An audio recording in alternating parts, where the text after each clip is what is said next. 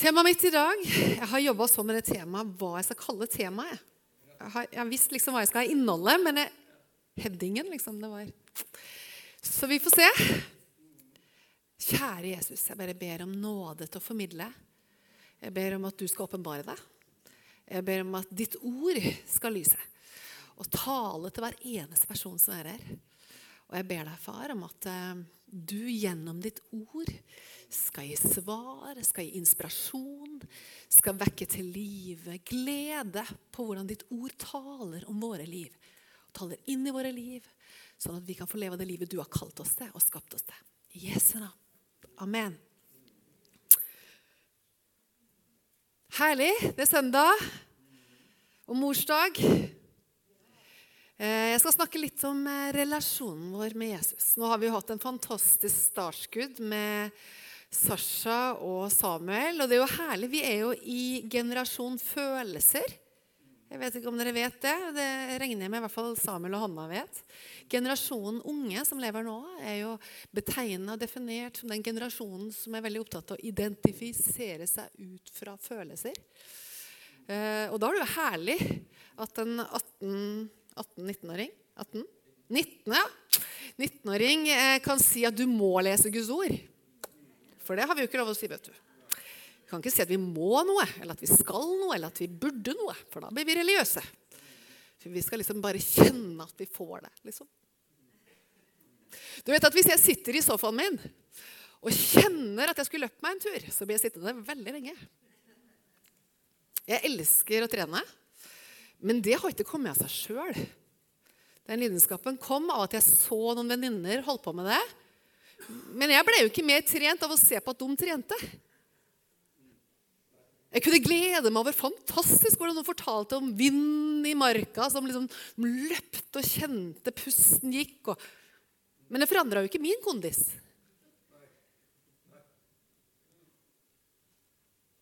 Og det hjelper jo heller ikke at noen fortalte meg at du burde og du skulle egentlig. At dette hadde vært det beste for deg. Men etter å ha grunna på det en stund og komme i en eh, svært desperat situasjon, så var det akkurat som noe på innsida sa 'begynn å løpe'. Og jeg begynte. Og det har gitt så mersmak, for jeg har fått forståelsen av det jeg i teorien visste, funka i praksis. Det er helt fantastisk å trene. Ikke alltid på forhånd. Så det er godt å sitte i sofaen og tenke over hvor deilig det er å trene. Ja, jeg kjenner en veldig godt som, eh, som syns det er deilig med ferie. Da skal vi hvile så mye. Du vet at Det er akkurat som vi er skapt for hvile. Det var én dag i uka vi fikk til å hvile. Resten skulle vi jobbe. Det jo, vi lever jo i en stresskultur. Det, det, er, det er, mye jobbing. vi skal lære oss å hvile. Vi skal gå i balanse og takt. Men hjemme hos familien Midling så er det noen som har forstått at vi stresser rundt, og noen som har forstått at det er godt å ligge på sofaen. Eh, så kan du bare gjette hvem som gjør det ene, og hvem som gjør det andre. Men vi har det noe sånn at uh, vi er skapt til arbeid. Vi er skapt til å leve et liv i balanse. Vi er skapt til å leve ut fra noe som Gud har kalt oss til. Og ikke ut fra hva mine meninger syns om ting, men hva Guds ord sier om ting. Så det er herlig da, når den uh, unge generasjonen kan si at uh, ja, du er like mye kristen fordi du ikke leser Guds ord, men skal du overleve som kristen, så må du faktisk. Og skal ikke Heidi Midling bli overvektig, så kan jeg ikke bare sitte i sofaen. Beklager, men det funker ikke for min kropp. Noen er sikkert skapt for det, men jeg ikke. Og skal jeg ha overskudd og energi og klare min hverdag, er jeg nødt til å bevege meg. Og så kan vi finne ut hvordan vi skal bevege oss, og hvilken aktivitet vi skal ha. Men det er noe med balanse i livet. Det er noe med å ha ingredienser i livet som gjør at jeg lever det livet som er riktig og rett, som Gud har kalt meg til. Det var en person, Jeg er jo mye i håndballmiljøet fordi vi har jenter som spiller håndball. og Hun minste er veldig aktiv. Og så var det ei som er veldig aktiv sjøl, mamma, håndballmamma, som trener mye. Og så sa jeg er så takknemlig her at jeg har lært meg å elske det jeg holder på med. Du vet, Hvis livet vi holder på med, er veldig kjedelig og slitsomt og krevende, så blir livet veldig tungt. Filipperne 2,13 sier, 'Han er den som virker i meg til å ville og virke etter hans behag'. Og jeg har behov hver eneste dag jeg, å sette meg i stolen min og slappe av. Ja, og hvile. Ja. Men å puste med Jesus Selv om jeg er litt sånn, to, sånn energidame, så jeg, jeg må sette meg ned når jeg skal snakke med Jesus. For Ellers blir alt bare et stress. Og Da setter jeg meg ned, og så nyter jeg. Og så har Den hellige ånd i den perioden jeg er i nå, i min nye sesong, talt til meg om å tie stille. Å tie stille. For hver gang jeg står opp om morgenen, så er det Jeg elsker å be i tungetale. Det tror jeg er veldig bra. Jeg tror vi skal vekke til live bønnens ånd i våre liv. Men bønn er så mye, vet du. Og Gud vil at det skal være ferskvare. Ikke bare en tradisjonell måte å gjøre det på. Ikke på samme måten som vi alltid har gjort det. Jeg må alltid på kne, eller jeg må alltid gå, eller jeg må alltid sitte, eller jeg må alltid Noen ganger så må jeg gå på do, noen ganger så må jeg sette meg i bilen. Og så må jeg bare sette meg og bare snakke med Jesus og si Gud, her kommer jeg nå. Nå kommer jeg framfor deg. Og så sier jeg til han hvordan jeg har det. Han er ferskvare. Relasjonen fornyes hver dag. Han vil at vi skal være fornya i hans relasjon med han hver dag. Og I disse dager så har det vært sånn at jeg, når jeg har satt meg ned, så har han bedt meg tidsstille. Jeg prater så fælt. Ikke så veldig om morgenen, da. Men eh, stort sett så er det liksom eh, Til og med unger sier 'Mamma, du er så snakkesalig'. Eh, jeg skal vite alt om alt, og jeg skal høre det meste, og jeg skal avbryte det meste. Og det blir jo litt sånn med Gud òg. At vi, vi, liksom Kjære Gud, og så desperat med alle våre behov, og rekka er lang. Og så, og så er Gud der. Gud vil gjerne høre på det. Men noen ganger så har han bedt meg tie stille. Tie stille, Eddie. Og Det er så fantastisk det vi har starta i menigheten vår denne her eh, januaren med bibelleseplan.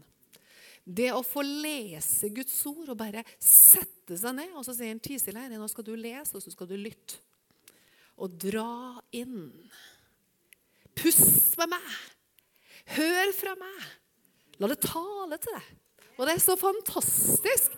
Jeg bare drar inn. Jeg bare liksom leser inn, og så bare så blåser Guds ord opp ting som jeg bare på ny har lest før, men på ny får ny tanker om. Innspill. Og Den hellige taler her og nå i mitt liv. Det var bare sånn Sånn er det i Heidi sin relasjon med Jesus akkurat nå. Akkurat nå. Akkurat nå. Jeg har en bollehistorie.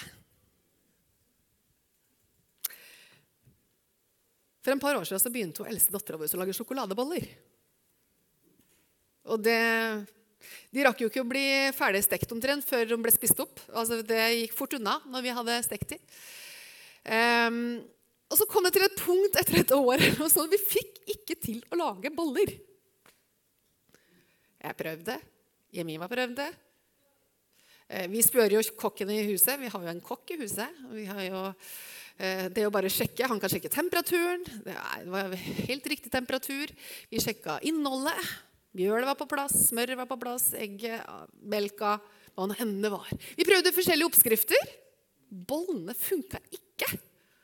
Det blei ikke sjokoladeboller. De blei steinharde, de blei lyse, brent under. Eh, ing, altså, vi fikk ikke til disse nydelige sjokoladebollene. Så det var derfor jeg lagde sjokoladeboller i går kveld. For da har jeg grunna på det. Jeg har lurt i all verden hva er det vi gjør feil. Og da har jo Trond begynt å snakke om ovnen. Det må jo være ovnen. For bakerne i huset har jo formidla både temperaturen og alt det som vi gjør riktig. Og jeg satt og tenkte så rart. Fordi når jeg lager innbakt pizza, så blir det så bra. Calzone funker. I hvert fall ifølge jentene mine og ifølge de håndballjentene som kommer innom. Altså, Hva er forskjellen? heving, mjøl Calzone funker, boller funker ikke. Så jeg grunna så fælt på det. Hva er det jeg gjør feil? Jeg grunna så lenge at jeg tenkte kjære, det må være noe gærent med hodet mitt. Det er bare boller. Og så tenkte jeg at nå skal jeg prøve i går kveld. For da lurte jeg på om jeg hadde funnet svaret. Jeg satt og tenkte lenge, og så tenkte jeg at nå skal jeg prøve. Det er en fordel å følge oppskrifta. Så det jeg gjorde for første gang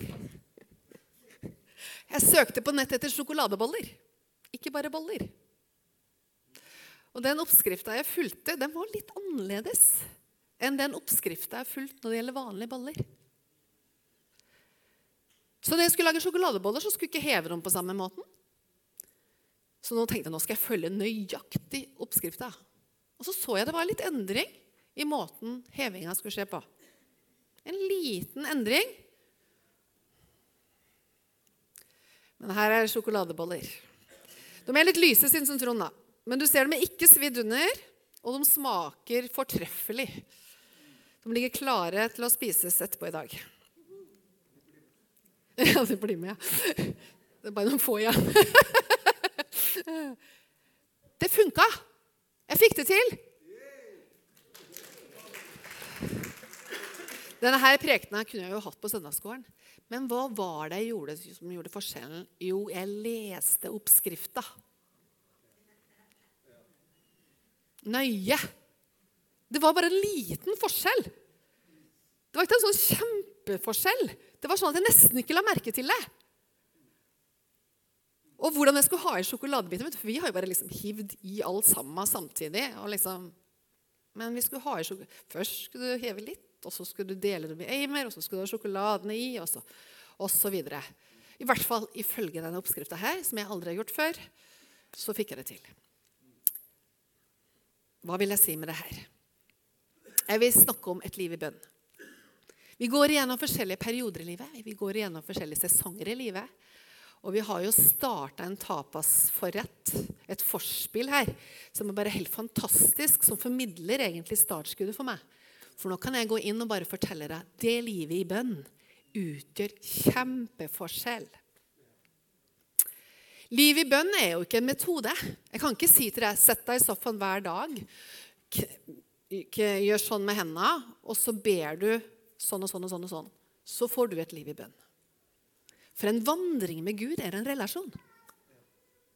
Det handler om ekthet. Det handler om å være sann. Det handler om å få dele livet sitt. Og så deler han livet sitt med deg. Så taler han inn til deg.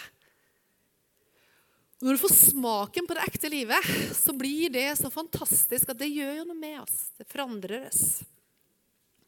Og Jeg elsker å be masse i tungetall, og jeg elsker å be masse med ord. Og jeg ønsker å bruke mye tid, for jeg vet Guds ord snakker om det her. Så jeg har lyst til å vise deg hva Guds ord sier om bønn. Og bønn er jo sånn at når du først får smaken på det Det er akkurat som når du trener, når du får smaken hvor bra det er for kroppen din at du går en tur i marka, eller at du får en aktivitet og kjenner energien som etterpå kommer i kroppen din. Da vil du jo bare gjøre det mer.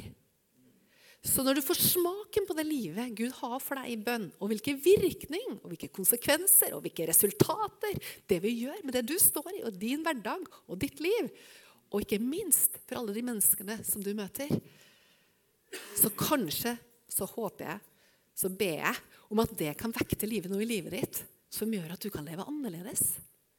Tilfreds. I takt med det Gud har skapt deg til.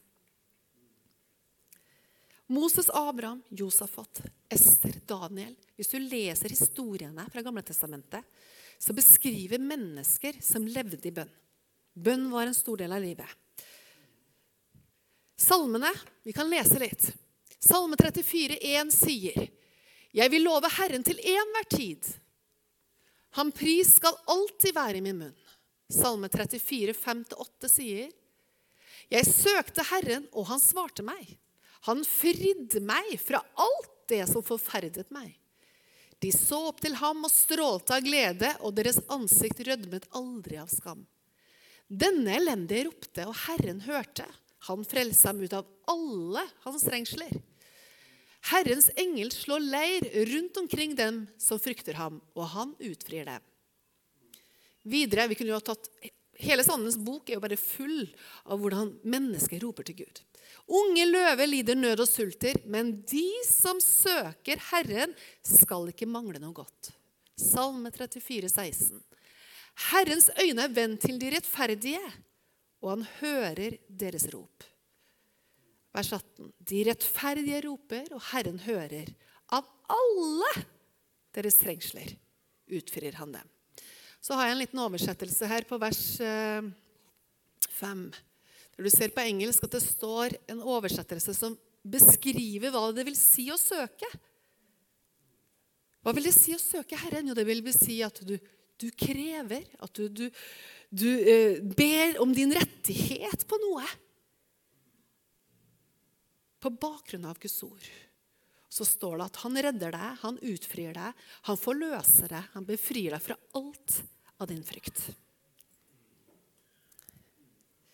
Paulus sier, etter å ha lagt ut om frelsen og viktigheten med ordet og eh, fredens evangelium osv., så, videre, så sier han gjør dette i bønn og legg alt framfor Gud. Be alltid i ånden.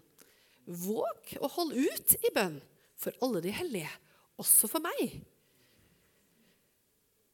Så vil jeg ta noen av mine favoritt-bibelvers eh, eller setninger som jeg bare elsker. Når det blåste inn i livet mitt når jeg var i Afrika, så fikk jeg en Jeg fikk et nytt liv, tror jeg. Jeg har vokst opp med bønn. Jeg har vokst opp med en familie som lærte å be.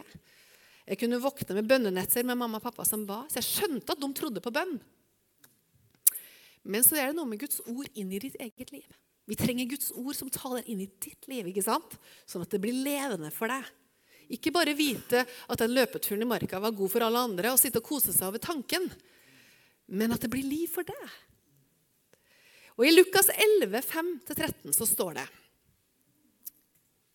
Og han sa til dem, når det er Jesus som taler til dem, sett at en av dere har en venn og kommer til ham midt på natten og sier til ham Venn, lån meg tre brød. For en venn av meg er kommet til meg fra reise, og jeg har ikke noe å sette fram for han. Skulle da han ikke der inne svare, bry meg ikke, døren er alt stengt, og mine småbarn er i seng med meg, jeg kan ikke stå opp og gi dere, jeg sier dere, om han ikke står opp og gir ham det fordi han er hans venn, så vil han stå opp fordi han er så pågående og gi ham alt det han trenger. Og jeg sier dere, be, så skal dere få.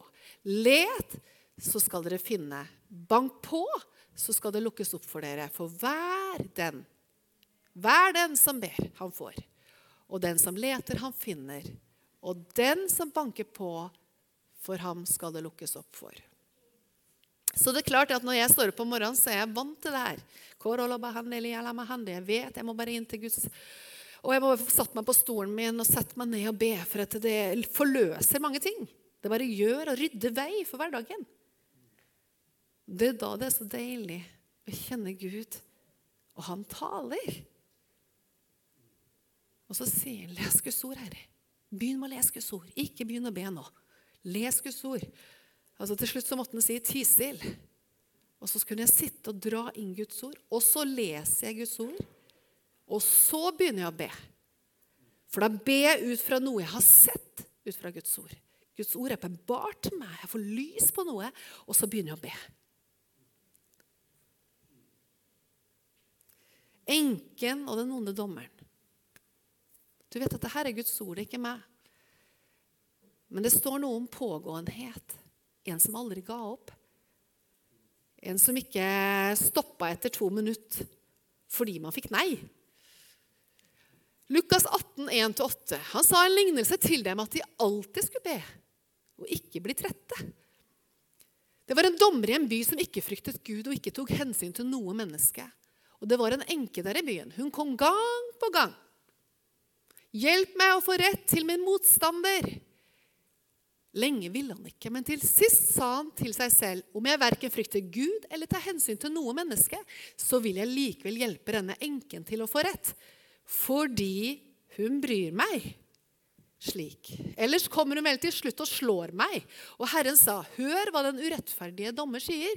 Men skulle da ikke Gud hjelpe sine utvalgte til sin rett, de som, de som roper til ham dag og natt? Er han sen når det gjelder dem? Og jeg sier dere, han skal skynde seg å hjelpe dem til sin rett. Og så står det videre Men menneskesønnen kommer, må han da vil finne troen på jorden? Og så har vi noen forskjellige oversettelser her.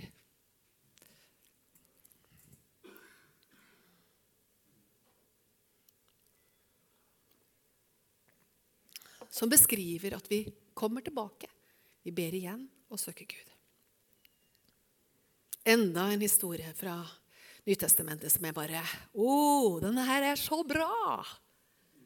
For den formidler mennesker i desperate behov. Jeg mener, her sitter vi og lurer på hva gjør vi? Jakob, bror til Johannes, ble henretta med sverd. En av menighetens folk. De kristne er redd, fulle av frykt. Hva kan skje? Fordi vi tror på Jesus. La oss lese. På den tiden la kong Herodes hånd på noen i menigheten og for hardt fram mot dem. Jakob, bror til Johannes, ble henretta med sverd. Da Herodes merket at alle jødene likte dette, gikk han videre, fikk grepet Peter også. Det var i de usyres brøds høytid, etter at han var tatt. Ble han kastet i fengsel, hvor fire vaktskift Hvert på fire mann ble satt til å holde vakt over ham. Så ville Herodes føre ham fram for folket etter påske. Peter ble da sittende i fengselet, og imens Og imens ba menigheten inderlig til Gud for ham. Natten før Herodes skulle føre ham fram, lå Peter og sov mellom to soldater. Han var bundet med to lenker, og fengselet ble bevoktet av vaktposter som sto utenfor døren. Med ett sto en engel fra Herren der, og et lys strålte i rommet. Han vekket Peter med et puff i siden og sa, 'Skynd deg opp, stå opp.' Med det samme falt lenkene av hendene hans, og engelen sa til ham, 'Bind beltet om deg og ta på deg sandalene.' Da han hadde gjort det, sa engelen, 'Få på deg kappen og følg etter meg.' Og han fulgte etter ham ut. Men han forsto ikke at det som engelen gjorde, var virkelig. Han trodde det var et syn. De passerte første og annen vakt og kom til jernporten som førte ut til byen. Den åpnet seg av seg selv. De gikk ut og fortsatte nedover den første gaten. Der ble engelen plutselig borte foran. Peter kom til seg selv igjen og sa, 'Nå vet jeg virkelig at Herren har sendt sin engel og fridd meg ut av Herodes hånd' 'og fra alt det som jødefolket nå går og venter på.' Da dette var blitt klart for han, gikk han til huset hvor Maria bodde, mor til Johannes med tilnavnet Markus. Der var mange samlet i bønn. Han banket på ytterdøren, og en tjenestejente som het Rode, kom for å lukke opp. Da hun kjente igjen Peters stemme, glemte hun av bare glede å åpne døren, men sprang inn og fortalte at Peter sto utenfor. 'Du er fra sans og samling', sa de til henne. Men da hun holdt på sitt, sa de, 'Det må være engelen hans'. De trodde jo ikke engang på det de har bedt om. Imens fortsetter Peter å banke. Da de åpnet og så ham, ble de ute av seg av undring. Gud kan gi deg bønnesvar som gjør at du blir ute av undring over hva han kan gjøre. Han gjorde tegn med hånden at de skulle være stille, og fortalte hvordan Herren hadde ført ham ut av fengselet.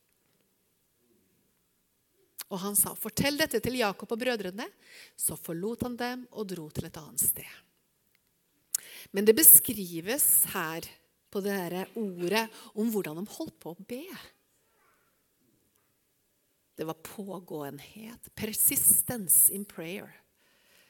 De ba dag og natt. De var desperat. De lurte på i all verden, hvordan skal vi dette her gå. Peter, altså En har blitt henrettet. Hva kan skje med Peter?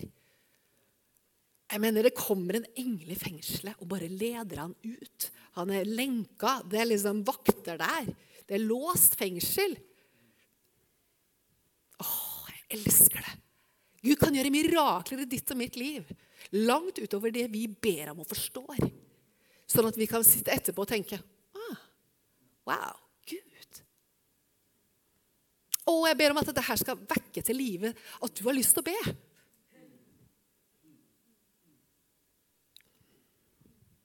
Det er tungt vet du, noen ganger. Men det er jo da som han sier ja, du blir kristen, du kan gå hele livet og være kristen, men eh, du dør jo ut uten Guds ord. Så man må jo lese. Du må jo ha i deg mat hver dag, ellers så liksom blir det jo dårlig næring i kroppen. Ja, du må be hvis du skal få noe bønnesvar.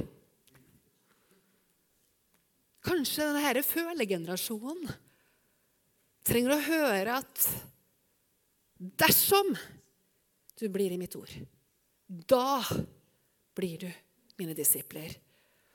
Og du skal kjenne sannheten, og sannheten skal sette deg fri. Hvordan kan sannheten sette deg fri hvis du ikke er villig til å lese Guds ord og la det bli en del av deg? For jeg føler i dag for å vel være en mann, og i morgen kan jeg føle for å være en kvinne eller noe annet. Dattera mi kom hjem fra ungdomsskolen og går i ungdomsskole nå. Og i en ikke-kristen ungdomsskole. På si. Ikke på Thomas-skolen. Og da hadde de fortalt i undervisninga at det var seks kjønn. Og det er ganske morsomt, da. Og nå er hun litt frittalende. Men uh, det er jo ikke vi voksne som trenger å fortelle barna at det her stemmer ikke. Da hadde de jo rekt opp hånda, hun og venninna som satt ved siden av, som absolutt ikke er kristen, og sagt vi kan bare kikke opp i buksa vår. Det fins to typer kjønn. Denne ungdomsgenerasjonen trenger en foreldregenerasjon, en voksen generasjon som ber for dem. Så de kan bli stående og tro på sannheten og leve ut sannheten. Pågåenhet jeg gir meg ikke helt.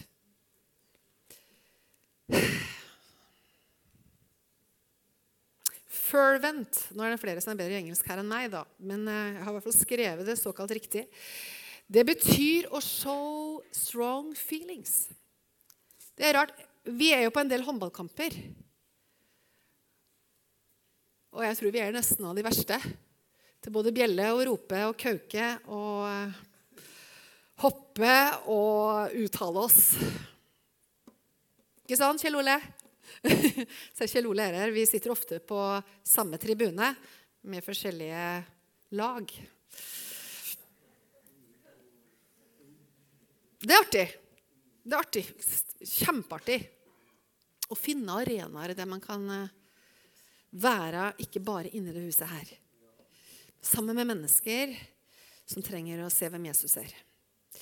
Men der viser vi sterke følelser, og det er ingen som eh, reagerer på det. Når vi har hjemmeparty som kristne Jeg sier jo ikke at vi skal legge det ut på Facebook eller på noen andre sosiale medier. Det kan jo oppfattes veldig rart. Det er jo en del andre hjemmeparty som de helst heller ikke skulle hatt på noen sosiale medier. Men la oss ha noe hjemmeparty der vi er fri til å be som det passer. Hvis du vil gå avsides og være stille, be i din stillhet. Men det å bare få lov til å rope i din desperasjon, det å få lov til å hengi seg og bare kauke, sukke, stønne, bli frimodig i bønn Bibelen beskriver det. Og her beskriver han et ord som betyr means altså Dette er et engelsk ord da, som ikke er så veldig flink på å uttale. Men det betyr bl.a. kraftig, intens i energi. Så denne pågåenheten er jo mer enn å bare liksom Du, kan du være så snill og gjøre det her? Det handler om Du, jeg vil ha det her! Du, Gud, nå må du gjøre noe! Rør ekteskapet mitt! Røv barna mine! Røv faren min som ligger på sykehuset! I Jesu navn, jeg ber deg! Jeg roper til deg, Gud! Jeg roper til deg for at du skal komme inn på banen! Redd det mennesket som holder på å gå fortapt, som holder på å ta livet sitt! I Jesu navn! La oss være en aktiv menighet som roper ut fra Guds hjerte for mennesker som trenger håp nåde, hjelp, redning.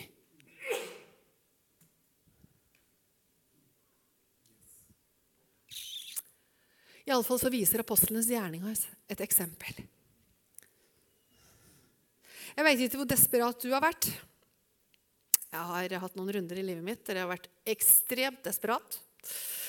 Etter at Gud, nå må du bare dukke opp. Gud, nå må du bare gjøre et eller annet. Og da har jeg veldig vanskelig for å gjøre det på en pusekattmåte. Da blir jeg veldig desperat i min måte å si det på. Det handler ikke om høy rop. Det handler ikke om at røsten din må skrike og bruke opp stemma etter fem minutter. Men det handler om et indre menneske som bare roper etter Gud. Gud, jeg trenger løsning. Jeg trenger svar. Og Nå har jeg jo snakka om det her fram og tilbake, om aktivitet i et bønneliv. Og Da syns jeg det er nydelig å få sagt eh, hva 1. Johannes kapittel 5, 14-15 sier. Og dette er den frimodige tillit vi har til ham. Og dersom vi ber om noe etter hans vilje, så hører han oss. Og dersom vi vet at han hører oss, hva vi enn ber om, da vet vi at vi har fått våre bønneemner oppfylt hos han. Og det å be er å spørre, kreve, begjære Du kan få lov til å komme. Sagt Gud. Johannes 16, 23, 24 sier, Og på den dag skal dere ikke spørre meg om noe. Sannelig, sannelig, sier dere, alt dere ber Fader om, skal han gi dere i mitt navn. Hittil har dere ikke bedt om noe i mitt navn. Be, og dere skal få, for at deres glede kan være fullkommen. Ja, men jeg har bedt, Heidi. Jeg sa det òg til en veldig god eh, venn eller mentor eller hva han var for noe, for oss som ektepar. Så sa jeg men jeg har bedt. Jeg har bedt. Jeg Har brukt masse tid. Vi gjør jo det. Vi ber jo, ikke sant? Så tenkte jeg at nå får jeg litt trøst. Ja, ja, du har bedt masse. Så svarte be mer. Ok, da får du be mer, da, Herre. Hvis du ikke har fått svar.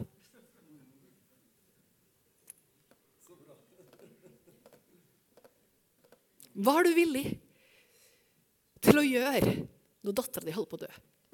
Hva er du villig til å gjøre når ekteskapet holder å gå i oppløsning? Hva er du villig til å gjøre når mammaen eller pappaen din er utsatt for et eller annet? Det å ta seg tid Jeg var på en sånn eh, samtale. Du vet, Den unge generasjonen den har ikke tid til noen ting. For de har så mye å gjøre. De har jo så mye å gjøre, da. Så de har jo nesten ikke tid til å gjøre lekser. Og vi alle har jo fått lik tid. Så spørsmålet hva bruker vi tida på? Så er det jo sånn eh, Skjerm er jo en fin ting. Jeg må sette opp status på livet mitt. Ja. Så må jeg finne ut hvordan skal jeg få tid. Når må jeg stå opp for jeg skal rekke ting?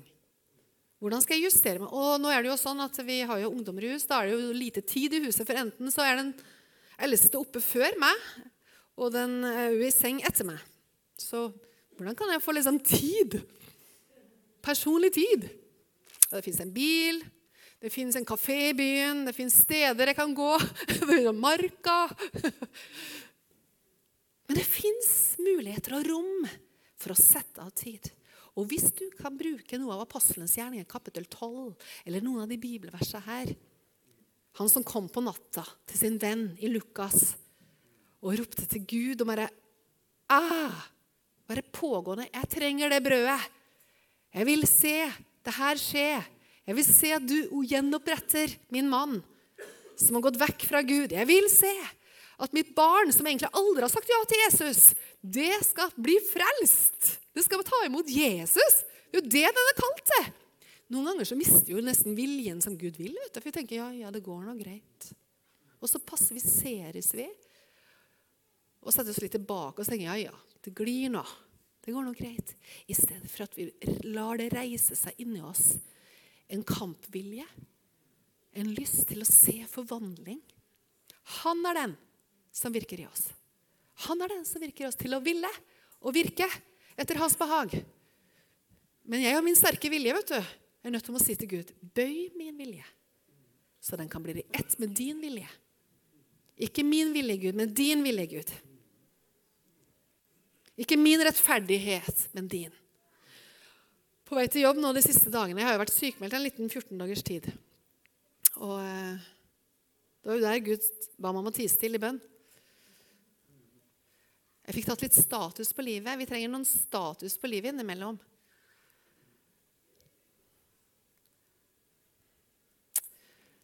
Jeg har måttet bedt en Trond om å be for meg. Og Det har jo ikke vært så veldig vanlig at jeg har bedt en Trond om å be for meg. Men Trond får bønnesvar. vet du. Han ber så korte bønner. Det er mye troens bønn. Han ber så korte bønner. liksom bare tenker at Hadde enda bilturen vært litt lenger, liksom. Men du kommer ned til Ila, så sier jeg Trond, kan du være så snill å be for meg? Jeg trenger det. Eller kan du be for dattera vår nå? Eller hun andre dattera vår. Ok, da. Så ber han. Alt han ber om, får han. I hvert fall det siste året. Du vet at et rettferdig menneskes bønn har stor virkning og kraft. Et rettferdig menneske, et knust menneske, et menneske som har lagt seg ned og sagt 'Jesus, du får hele mitt liv'. Jesus, du får bestemme.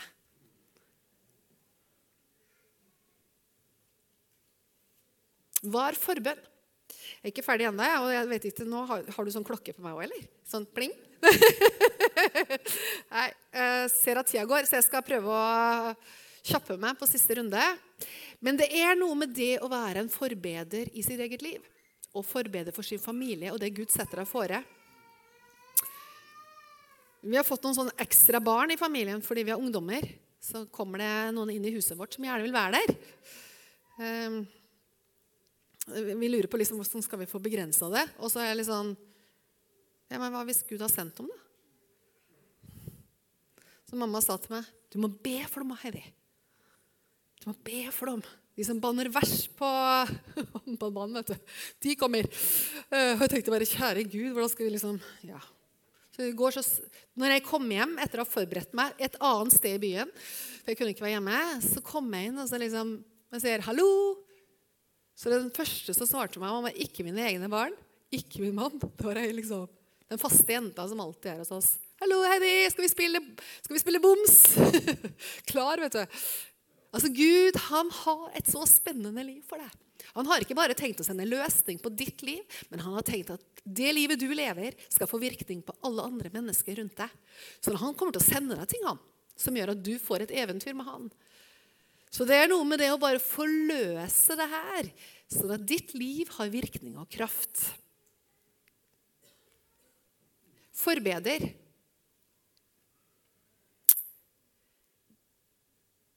Det står i Jesaja om å være en forbeder. 53,12. Det brukes det ordet 'forbeder', og det betyr og Det er to ordbøker som har beskrevet det her. og Nå skal jeg ta det raskt, for jeg ser tida går.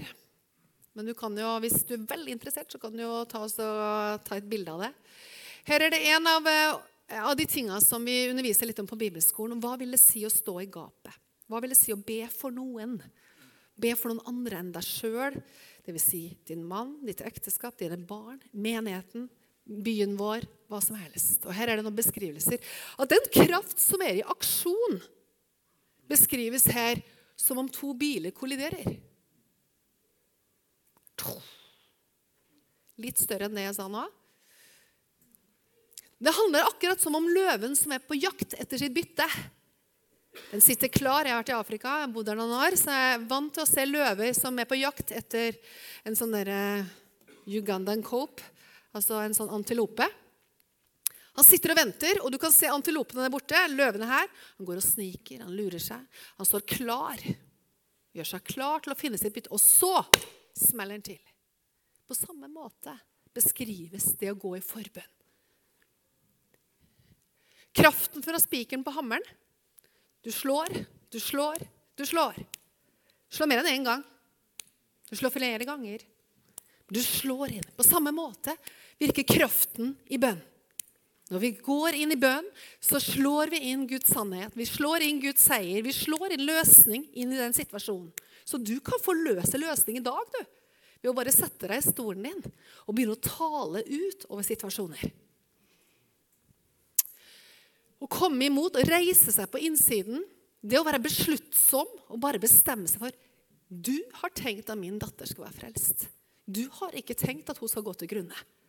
Hun er ikke frelst i dag, men jeg takker deg, Gud, for at jeg i bønn kan kalle på det over hennes liv. Jeg taler Jesu navn over hennes liv. Jeg taler Jesu navn over den situasjonen hun står i, og jeg ber om at den skal snu nå i Jesu navn. Å være voldsom ovenfor. Så det hender at når vi er på bibelskolen, så kan vi få lov å være for oss sjøl og være alene. Og så roper vi til Gud, og så bare tar vi tak, og så ber vi ut situasjoner over elever, over menigheten, over lederskapet. Kanskje det handler om deg. Vi får navn i hjertet vårt når vi ber, og plutselig så roper vi til Gud for det.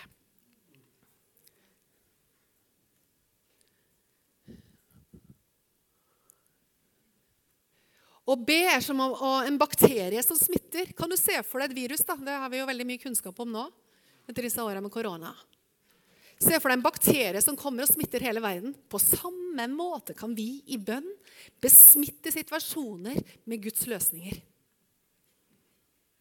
Det er akkurat som en fiende her som går inn og sprer seg. Å be og være en forbeder er som å komme imellom, som en dommer som skiller mellom mennesker. Når du ber, så setter du opp en mur mellom mennesker som holder på å ha stor konflikt. Du kan gå i bønnens verden og løse konflikter. Du kan være en som skaper fred gjennom at du ber og står og taler ut ting over andre menneskers liv. Du er partner med Gud du, og løser situasjoner han har behag i, som han har en stor vilje om. Yes, Jeg avslutter her, og så vil jeg bare be en kort bønn til slutt. Jeg regner jo med at når eh, jeg skulle si de tinga her At noen vil komme til å trenge det. Nå ønsker jeg egentlig bare at menigheten skal få en sånn indre drive på det her. Det handler jo ikke om at du skal stå og jobbe deg her, det handler om at du kan sitte i stolen din og tale ut ting som gjør at det blir en åndsatmosfæreskift i situasjoner som Gud legger på deg. Og jeg tror at du i ditt hjerte tenker på ting. Jeg tror at du tenker på Oi, jeg skulle kanskje bedt for dattera mi. Kanskje skulle jeg bedt hver dag over en periode og sjekke og se hva som skjer. Det er jo det som er så spennende med bønn. vet du. Jeg er jo et resultat av bønn. Jeg hadde ikke vært frelst i dag hvis det ikke vært for min mor hadde bedt sine bønner. Og hun kjempa sånn i bønn. Og det som er morsomt, er jo når jeg snakka med henne etterpå, hvordan hun ba. Og hvordan jeg på samme tid kjente uro og lengsel etter Gud. Våkna midt på natta på feil sted til feil tid og bare kjente at jeg har et kall over livet mitt. Det kan du vekke til live i andre mennesker. Det kan du vekke til live i din datter, i din sønn, i din mor, i din far. Hvem det enn er. La oss være en ekte menighet. La oss være et folk som gjør jobben vår. Amen. Kjære far, jeg bare ber deg, Herre, om at du skal vekke til live bønnens ånd. Å, la det bli snadder, la det bli lystbetont, la det bli noe som er glede. La det bli noe som folk kan få se. Å, jeg kan få være med på å gjøre en løsning for situasjoner rundt meg. Og i Jesu navn så ber jeg om at du vekker dette til livet. Du kjenner hver eneste en her. Det skal vekkes til livet en bønn for datter, en bønn for sønn. Det skal vekkes til livet en, en bønnenød og en, en rop til Gud for fedre og mødre. Det skal vekkes til live. Bønn for en kone og bønn for en ektemake. Og en mann der som skal bli frelst, får møte deg, Jesus. Gud, du ser alle desperate behov. Du ser alle lengsler vi har etter å få løsning på livet vårt. Takker deg, far, for du har løsning. Takk for vi får være på laget ditt og få bare innhente og ta imot din kraft gjennom bønnens ånd. I Jesu navn. Amen.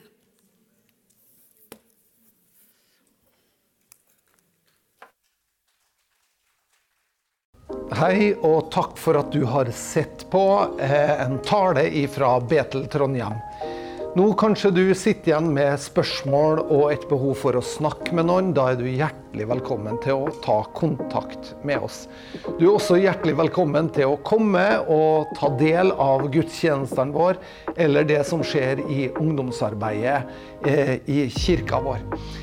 Jeg tenkte at jeg hadde lyst til å avslutte med å lyse Herrens velsignelse.